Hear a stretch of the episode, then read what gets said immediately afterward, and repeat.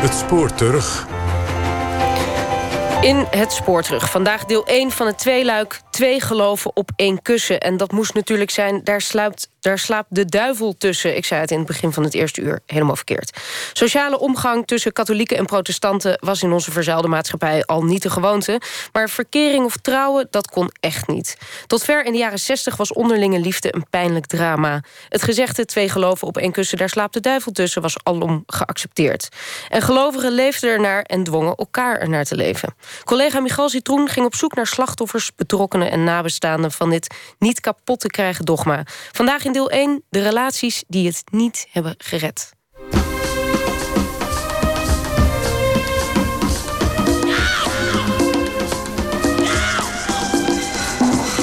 Dat, die kreet van jullie van uh, twee geloven en uh, daar slaapt de duivel tussen. Nou, die ken ik van mijn vader en moeder. En ik heb, mijn moeder is eerder overleden als mijn vader. En ik zei tegen mijn vader, weet je wie die duivel was? Mama. De duivel staat niet, zozeer voor het culturele, maar voor, voor het zielenheil. Hè? Dus de duivel die, die probeert een van beide partijen te verleiden tot overstap naar het andere geloof, het verkeerde geloof, het geloof waarmee je niet in de hemel komt.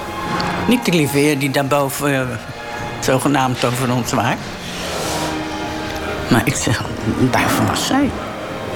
En toen mijn moeder was overleden, begon hij daar nog zo, dat verhaal. En dat kon ik hem niet aan ik kon het die oude man niet aandoen. Ik zeg tegen papa, we hem maar zwijgen. Het is de rotste tijd van mijn leven geweest. De diepste gedachte daarachter is, ze hebben het, het ware geloof niet. En alleen met het ware geloof kom je in de hemel. Daar gaat het om. Dus als een katholiek meisje bij de protestantse jongen of andersom komt, dan trouwt ze dus met iemand die haar in de verleiding kan brengen van haar geloof af te vallen. Het is ergens in de vijftiger jaren geweest. Mijn moeder was een jaar of 18. En uh, die, die vriend, nou die is iets ouder geweest, denk ik wel. Niet heel veel. Uh, zij hebben elkaar dus vrij jong leren kennen. Ja, dat was wel ja, liefde, zeg maar. Passend bij die leeftijd natuurlijk. Men kende elkaar, ook katholiek en protestant, nauwelijks... omdat het eigenlijk verboden was om met elkaar om te gaan. En, uh, ja, en dat is van begin af aan, uh, in ieder geval aan de kant van mijn familie... was dat iets van, nou ja, wat je zegt, hè, twee geloven op één kussen... daar slaapt de duivel tussen, dus dat, dat was onbespreekbaar. Voor uh, protestanten was die hele wereld van het katholicisme... met zijn devoties, met zijn heilige verering... met zijn kloosterordes, met, met zijn rituelen... dat was gewoon een vreemde, exotische wereld... Um, en, en voor katholieken was er iets soortgelijks in eh, de manier waarop ze naar protestanten keken. Dat, dat waren in hun beleving inderdaad vreemde mensen, maar zo'n ander soort mensen. Ik kende die mensen natuurlijk niet. Ik kende helemaal niemand van die kerken. Ja, ik had bijvoorbeeld op dansles gezeten. Dus dansen, dat mochten zij niet. Hè. Ik zat op een katholieke voetbalvereniging. Ja, eh, de katholieke gemeenschap was echt een aparte gemeenschap had helemaal niets met, eh, met anderen. Ik kende helemaal niemand verder van, uh, van haar uh, milieu, zeg maar. Nee. Geachte vriend, we hebben uw brief ontvangen... en daaruit vernomen dat mijn zoon aanzoek heeft gedaan... om de hand van uw dochter. Hij had er met ons al over gesproken... en wij verheugden ons omdat hij vertelde... dat hij een braaf katholiek meisje had gevraagd. Maar dat hij nog niet het ja-woord had van haar oude heer... Een brief uit 1904. Nu, vriend, gij verlangt inlichtingen van mijn zoon. Hij is ook katholiek en heeft altijd zijn plichten waargenomen. En heeft ons altijd een dankbaar en oprecht hart toegedragen. Zo te horen is er niks aan de hand. Opluchting alom. Een katholieke zoon vraagt de hand van een katholiek meisje. Hij heeft ons altijd als een dankbare zoon bemind. En wie zijn ouders oprecht bemint, heeft hier op aarde zegen te wachten. Geen vuiltje aan de lucht.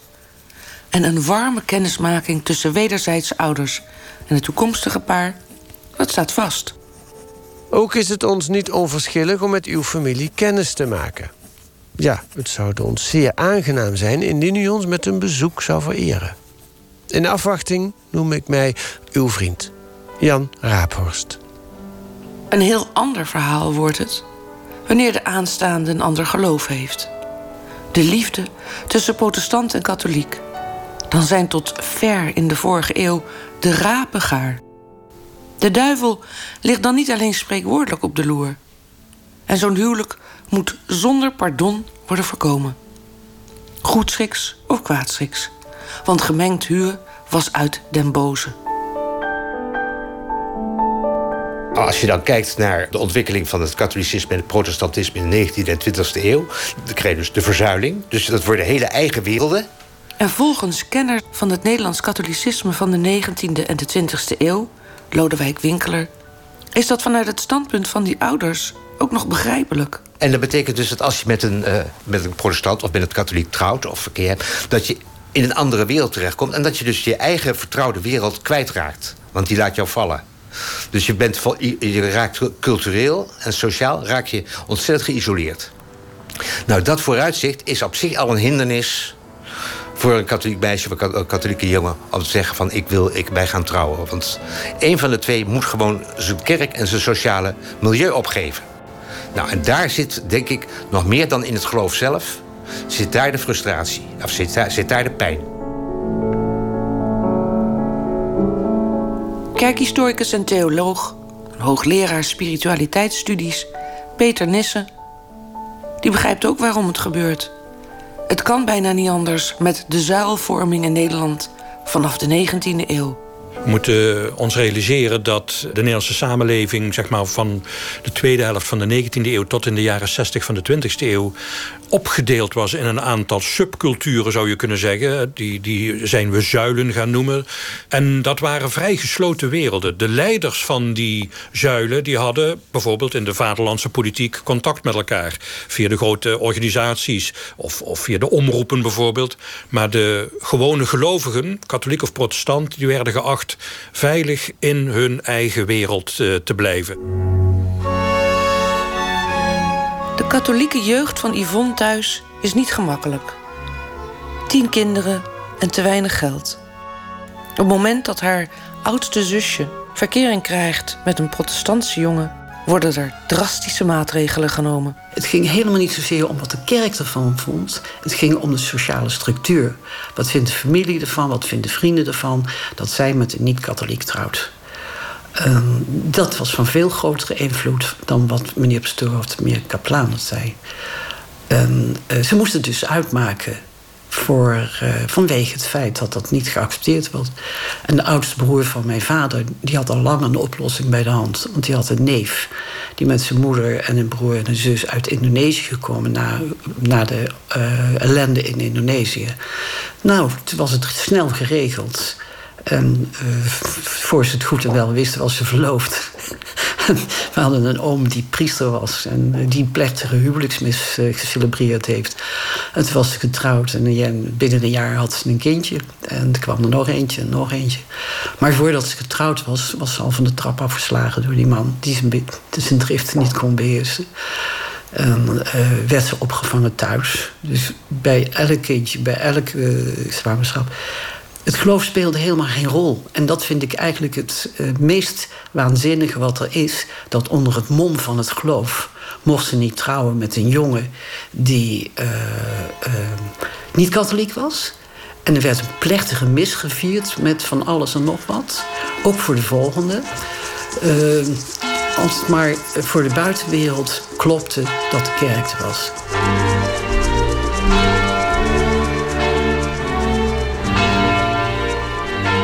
Annette groeit op in Zeeland en ze is gereformeerd. Vooral haar moeder is streng in de leer. Mijn moeder, als die katholiek was geweest, was ze non geworden. Maar ja, bij de gereformeerden heb je dat niet. dus ja, maar die was echt zo verschrikkelijk streng. En ik heb er nooit wat mee gehad. Want ik, je mocht dit niet en je mocht dat niet. Ik werd daar knettergek van. Ze leert een 19-jarige katholieke jongen kennen uit Amsterdam die als dienstplichtig soldaat in de buurt is gelegerd. En toen werd er gezegd, hoe gaat dat nu? Als die katholiek is, dan is het gelijk afgelopen. Ik die avond uit, maar ik wist natuurlijk omdat hij katholiek was. Dus we gingen die avond uit. En uh, ik kwam terug. En het eerste wat ze zegt... En? Ik zei, hij is christelijk. Dus ik loog niet. Ik zei alleen niet van welke kant. Dus het was een aardige jongen en gezellig. En hij mocht bij ons eten. Op een gegeven moment zei mijn vriend van... Ja, horen ze moeten nou toch maar eens gaan vertellen dat ik katholiek ben. Want ze vinden me nou aardig en dit en dat. Nou, moet het toch kunnen? Ik zei tegen hem, ben bang dat het dan afgelopen is. Ik zei, weet je wat? Want hij kon een heel mooie brief schrijven. Ik zei, als je nou een brief schrijft aan mij... waar dat in staat, dat ik het moet vertellen... dan geef ik die brief aan mijn vader moeder te lezen. Nou, dat heeft hij gedaan.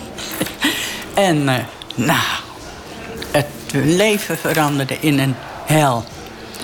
Ik mocht dit niet meer. Ik mocht, en ik sportte veel. Ik mocht nergens meer naartoe. Want ze waren alleen maar bang dat ik naar dat jongetje toe zou gaan. Hè? En uh, ja, op een gegeven moment liep het zo ver dat ik woog nog 45 kilo. Dus ik dacht, ja, nu moet het roer om gewoon. Maar hij was in die tussentijd al uit de militaire dienst terug naar Amsterdam. Ja, daar kwam ik nooit.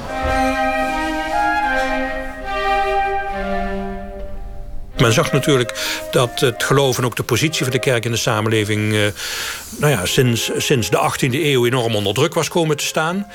Uh, ooit was er een tijd waarin de kerk een grote greep had op de samenleving als geheel. Dat is door het ontstaan van een moderne natiestaat is dat verbroken. En wat gaan de kerken dan doen? Dan gaan ze in ieder geval zorgen dat ze nog een sterke greep op hun eigen achterban houden. En dan gaan ze zich zozeer bemoeien met het leven van hun gelovigen, de katholieke en de protestantse kerken, dat die bemoeienis groter wordt dan die daarvoor ooit was. Katholieke Chris ontmoet een gereformeerd meisje op een zomerfeest in zijn dorp. Als het s'avonds laat en donker wordt, brengt hij haar naar huis. Maar ik moest lopen en zij was op de fiets. En daardoor werd het nog later. En, zag ik al een paar mensen daar een beetje heen en weer lopen. En ineens reed ze, zonder iets te zeggen, reed ze weg naar die mensen toe. En toen had ik dus door dat haar ouders waren. Nou, toen... Ja, die, uh, ik, ik ben op ze afgestapt. En hij wilde me eigenlijk uh, ja, eventjes te woord staan... maar hij wilde wel meteen duidelijk maken dat dit geen doen was. Maar goed, ik kreeg toen die week een briefje en daarin schreven ze dan dat die ouders vooral geschrokken waren dat ik katholiek was en zo. En dat het allemaal niet kon en dat mocht allemaal niet. Maar we bleven elkaar toch op een of andere manier zien. En er ontstond echt wel een, soort uh, verkering ontstond daarin. Mijn moeder is van 1909 en dit uh, is, is zijn 1929 verhuisd naar Voorburg. Dus het zal op het laatst zijn geweest, 1929. De moeder van Marie-Thérèse bewaart een flesje parfum. En vlak voor haar dood wil ze het graag nog een keertje zien. Een flesje Oubigan. Het is een heel mooi flesje. Ze kreeg het ooit van een verboden liefde. Maar daar zit een, uh, een, flesje parfum in. Het is nooit open geweest. Maar toch is een kwart uh, van de inhoud wel vervlogen. En het, uh, het, het, parfum heet Fleur Bien-Aimée. Nou, dat is heel mooi. En het stond altijd in de linnenkast van mijn moeder. En het verhaal erbij was dat toen ze in Medemblik woonde... En uh, dan uh, kwam er wel eens een ingenieur die daar voor de Zuiderzeewerken uh, bezig was. Die kwam bij hun over de vloer voor de gezelligheid. En mijn vader was eh, aannemer, dus ik denk dat dat, ja, zo zal de relatie wel geweest zijn. En dan zei, ze, mijn moeder altijd, en hij kon zo prachtig zingen. En mijn moeder begeleidde hem op de piano en ze kon ook heel aardig piano spelen. En hij heeft haar dat flesje parfum gegeven. En voor de rest, ja, het kon niet worden. Want hij was niet katholiek en mijn moeder was heel streng katholiek opgevoed en heel gelovig. Eh, de gewone gelovigen werden geacht niet met elkaar om te gaan.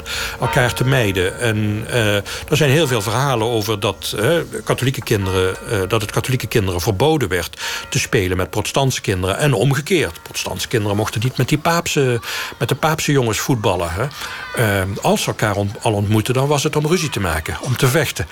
dat, dat, dat, dus de, de, de strijd tussen de confessies werd zelfs door de kinderen op straat ook af en toe uitgevochten. Hè. Met elkaar naar stenen gingen gooien of wat dan ook, dat soort dingen. Uh, nee, dus de, en, en, en, en er ontstond ook in, zeker in de steden in Nederland waar. Uh, katholieken en protestanten allebei in voldoende getalen aanwezig waren... Uh, daar uh, ontstonden ook volstrekt verschillende werelden... in de zin van niet alleen verschillende scholen en een verschillend verenigingsleven... maar zelfs winkeliers. Een, een, katholiek ging naar een katholieke slager... en de protestant ging naar de protestantse bakker, bij wijze van spreken. Dus het was zelfs not done tenzij de situatie het niet anders toeliet... om eh, ook je boodschappen te doen bij iemand van het andere geloof. Maar goed, het werd dus al heel duidelijk dat dat het grote punt ging worden. En dus het verschil in geloof. Ik katholiek, zij uh, gereformeerd. Het hield haar heel erg bezig. Elke keer eh, ging het daarover. Dat, uh, die verschillen en zo. En ze had vooral heel veel kritiek op de katholieken. Als je naar de feiten kijkt, ze, ze, toch uh, ze, moeten, ze bedrogen haar ouders wel. En ze zei tegen haar ouders, ik ga naar een vriendin, maar ze ging naar mij. Ik, ja, ik heb er al respect voor. We konden eigenlijk ook niet anders. Want ik ben een keer bij haar vader geweest. Dat was een... Uh, eind 66 moet dat geweest zijn. En ik heb toen met hem alleen gesproken. En hij wilde gewoon dat ik beloofde dat we elkaar niet meer zouden zien totdat ze 35 was. Nou, ja, totdat ze 35 was, ja. Mocht ik haar niet meer zien. En hij, hij, dacht dat ik had beloofd. Dat heb ik nooit beloofd. Dat kon ik helemaal niet. Maar hij, hij schermde daar wel mee later bij, bij haar. Van, uh, ja, hij zou, ik zou haar nooit meer uh, ontmoeten. Maar dat kon natuurlijk helemaal niet. Ik, ik, denk dat heel veel ouders een diepe worsteling gehad hebben. Omdat ze natuurlijk toch in hun hart eigenlijk het geluk van hun eigen kinderen denk ik, boven alles stelden. Maar tegelijk eh, in zekere zin gevangen zaten in dat hele systeem van sociale druk en controle. Um, um, en ze natuurlijk heel bang waren dat ze door hun omgeving, door, door uh, de dominee of de pastoor, uh, door het hoofd van de school, door weet ik veel wie, door de werkgever. vaak kwam het ook nog voor dat katholieken bij voorkeur bij een katholieke werkgever werkten en protestanten bij een protestantse werkgever, dat ze daar op aangekeken zouden worden. Alsof het hun schuld was dat hun kind verliefd werd en een, en een huwelijk aanging met iemand van een andere kerk. En dus eigenlijk in de ogen van de leiding van de kerk afvallig uh, werd. Hij verantwoordde het ook heel vreemd. Hij zei: Mijn dochter die heb ik gekregen van, van God. En later, als ik in de hemel ben, dan moet ik verantwoording afleggen bij de God de Vader. Dan moet ik. Uh, laten zien dat zij gelukkig is geworden. En als dat niet zo is, nou, dan ik moet dat verantwoorden. Alsof hij dus kon beoordelen wat haar gelukkig zou maken en wat niet. En ook wat hij ook zei was, het lijkt wel of de duivel ermee speelt. Ja, waarom dan? Omdat twee geloven, die kunnen nooit, als die met elkaar trouwen, die kunnen nooit gelukkig worden. En dat, dat loopt slecht af. Hè? Maar als je door gaat vragen, en dat, daar stond ik toen nog niet zo bij stil. Dan, meer, dan, dan, uh, ja, dan komt de aap uit de mouw. Dan bedoelen ze eigenlijk hè, dan is de kans groot dat ze ehm, zich van de kerk afwenden. Dat ze dus nooit meer naar de kerk gaan. En dat was hun angst. Dus niet meer naar de kerk gaan, dat betekende ongeluk, zeg maar. De duivel wint wanneer hij voor elkaar krijgt dat de mensen niet meer naar de kerk gaan. Dat was hun angst. Maar dat had ik toen helemaal niet door. Ze houden van je zolang je keurig doet wat ze zeggen. Dat is die tijd, hè? Want ik weet, mijn zusje, die is elf jaar ouder dan ik. Die kwam een keer thuis, want die woonde lang, die was lang getrouwd natuurlijk. Die kwam een keer thuis en toen zei mijn moeder tegen haar van... laat die rotmeid. Is ik. Dat ik niet luisterde. En ik liep ook weg. Maar ja, op een gegeven moment zei mijn vader... als je nog één keer flikt, dan laat ik Interpol achter je aankomen. Nou, ik denk, dan word ik helemaal in elkaar getrapt. Want ja, Interpol, dat was toen ook zoiets van... ik, kom er niet meer, ik kan er niet meer omheen. Gewoon, ik kan er niet meer omheen. Ja, ik werd getrapt. Ik was op sport, ik mocht niet meer. Ik, ik werd van school gehaald. Ik, ik mocht niet meer naar buiten. Ik, ik, ik, ik was in handen voeten gebonden aan het huis. Nou, dat, en ik kreeg echt op een sodomieter. Nou, dat is echt verschrikkelijk geweest. En dat duurde echt meer dan een jaar. Totdat ik dan zei van, ja, ik weeg nu nog 45 kilo. Straks kan ik hem helemaal nooit meer tegenkomen. Dan ben ik er zelf niet meer. Echt, was verschrikkelijk. Ja, nee, zij deden het... Uh, ja, voor mijn bestwil heette dat vroeger.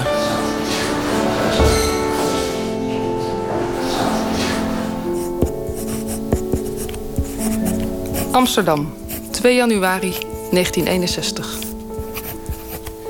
Ton, deze zondag kan je helaas niet komen, want mijn ouders zijn er niet.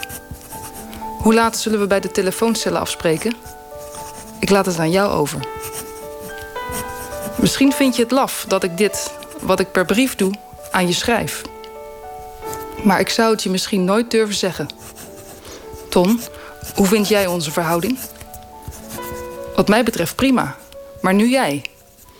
Je bent 29, dus je weet wat je wil. En Ton, ik en jij. Ik begrijp gerust dat we iets voor elkaar voelen. En Ton, dat kan niet, want jij bent katholiek en ik ben hervormd. En stel je voor dat wij werkelijk van elkaar gaan houden. Dit wil ik echt liever voorkomen. Dat zie je aan Henk en zijn meisje. Hij wist dat zij katholiek was en zij wist dat hij protestant was. En toch gingen ze met elkaar. In de hoop dat een van hen zijn godsdienst zou vergeten of doen veranderen. En nu zie je het resultaat. Henk, een verbitterde eenling. En Ton, ik weet niet hoe jij hierover denkt. Maar dat hoor ik zondag wel. Ik heb alleen maar hier geschreven waar ik wel eens over nadenk. Nu, punt achter dit. Laat je me weten van zondag? Je Martine.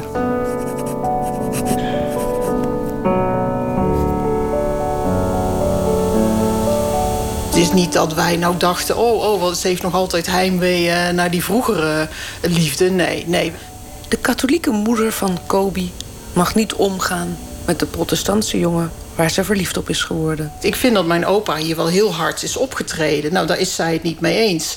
Want zij zegt dan van ja, maar hij kon niet anders. In die tijd was dat zo. En, en die is daar wel streng en heeft daar ook echt actief uh, uh, dat tegengewerkt. Do door dingen, haar, haar, uh, het was voor haar onmogelijk om vanuit de MMS of vanuit school... of het, vanuit haar eerste baantje, denk ik ook wel... om later thuis te komen. Want dan was de twijfel van ja, maar jij had zo laat thuis moeten zijn. Wat heb jij gedaan in die tussentijd? Dus er was een enorme controle op uh, haar verkeer uh, buitenshuis. Want ja, ze moest dan wel op bepaalde tijden binnen zijn. Want anders uh, riep dat wel achterdocht op. Van heb jij soms die en die gezien? Ja.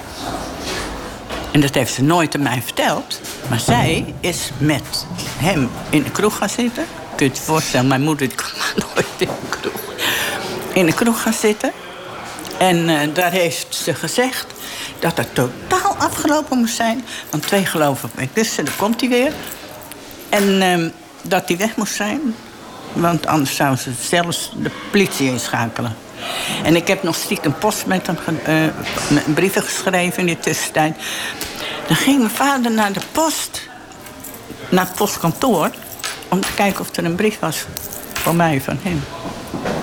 Zo erg was het. Ik, weet je, ik denk vaak aan... Wij hebben nu zoveel commentaar op hoe het in islamitische opvoedingen gaat... en hoe kort die meisjes gehouden worden. Maar als ik die verhalen van mijn moeder hoor... dan denk ik nou eigenlijk was dat niet wezenlijk anders. Zij werd ook behoorlijk gecontroleerd. Ja. Je hebt zelfs gezegd, al trouw ik ooit... en ik hou van hem, maar zal ik het niet tegen jou zeggen. Gun ik niet meer. Zit diep bij mij. Nee. Ik heb het nooit vergeven. Zij mij niet, maar ik haar ook niet. Nee, nooit. Zal ik ook nooit doen. Ja, en ook wat, wat wij ook niet goed hebben gedaan, is geloof ik dat we te raden zijn gegaan bij dominees en zo. Hè? Tenminste, in, in, die in die tijdschriften van toen, als je zo'n ingezonden brievenrubriek, die werd dan behandeld door dominees.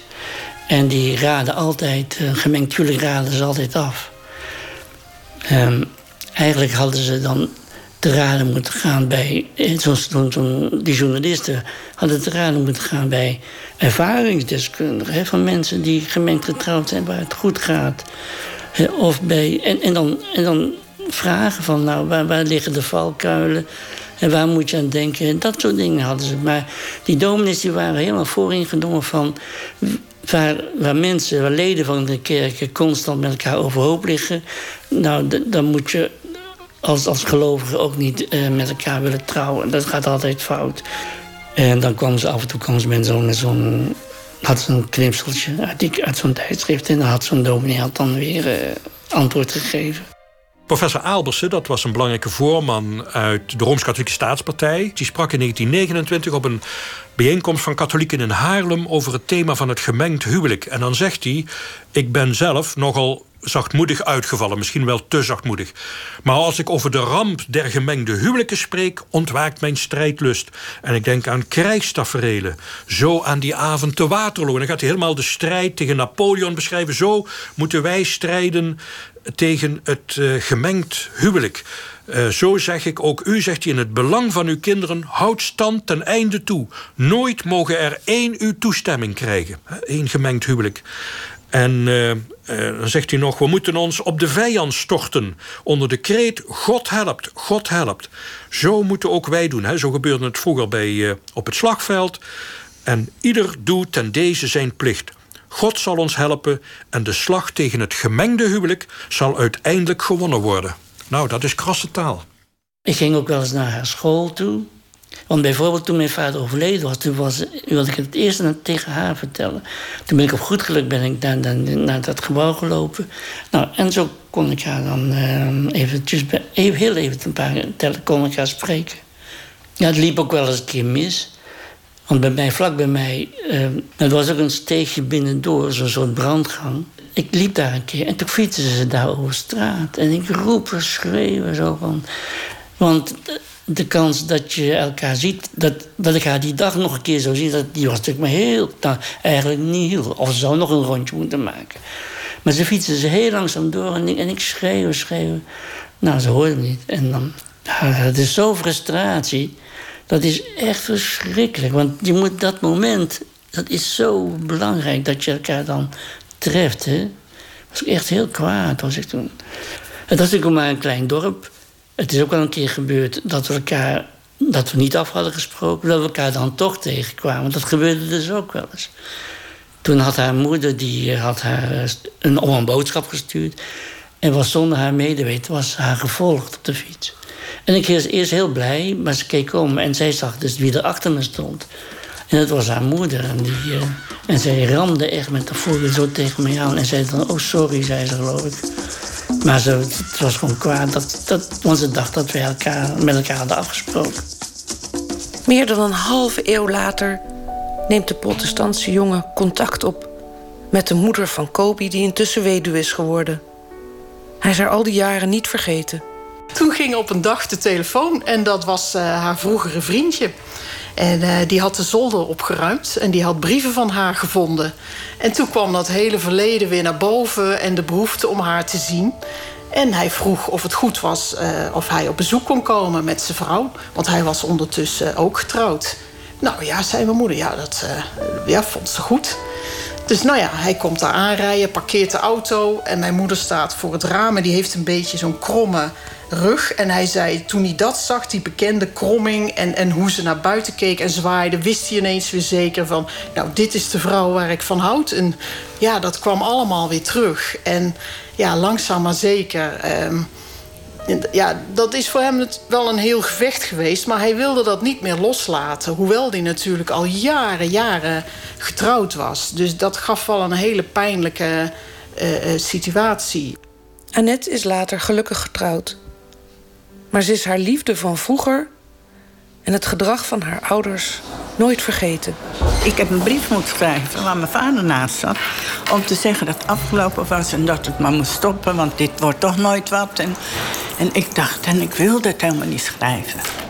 Een paar jaar geleden heeft ze hem gevonden. Toen ik hem uh, kon zien en mijn verhaal kwijt kon, toen was ik zo ontzettend blij.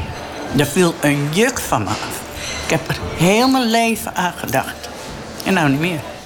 ik heb nooit op dat moment nooit gedacht van oh, die komen wel weer bij elkaar. Dat, dat, ik, ja, dat neem je eerst niet zo serieus. En dat is met zijn kinderen waarschijnlijk net zo gegaan. Maar nou ja, goed, op een gegeven moment uh, werd het bij hem thuis ja, hij kreeg dat niet meer op geregeld, die vrouw daar... en, en die vrouw ergens anders waar hij uh, van hield. Nou ja, en toen uiteindelijk hebben zijn kinderen de doorslag gegeven. Die waren er eerst heel erg op tegen. Maar die hebben gezegd, ja, pa, dit is ook geen doen voor jou. Of voor niemand. Dus als je het dan zo graag wil, nou ja, dan uh, ga maar naar dat mens uh, toe. Uh, was dan toen de uitdrukking. Dus ja, en dat heeft hij gedaan. Toen heeft hij nog dezelfde dag zijn koffers gepakt. En hij is vertrokken en bij mijn moeder ingehuisd. Kijk, haar vriendin kreeg ook een vriendje.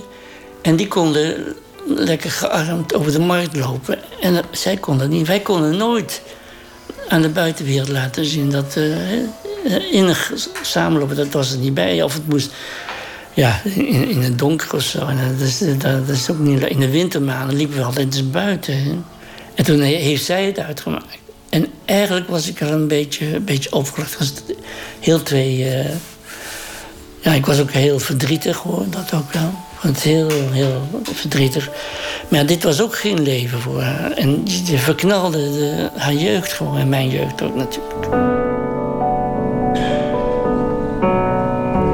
Een paar maanden later... toen liep ze inderdaad gearmd over de markt, maar niet met mij. en uh, dat, dat was de laatste keer.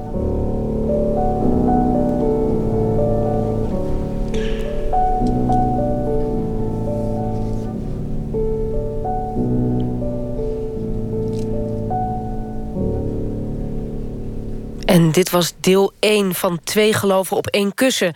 Volgende week een hopelijk, hopelijk iets vrolijker deel. De stellen die ondanks alle tegenwerking toch doorzetten en trouwden. Met alle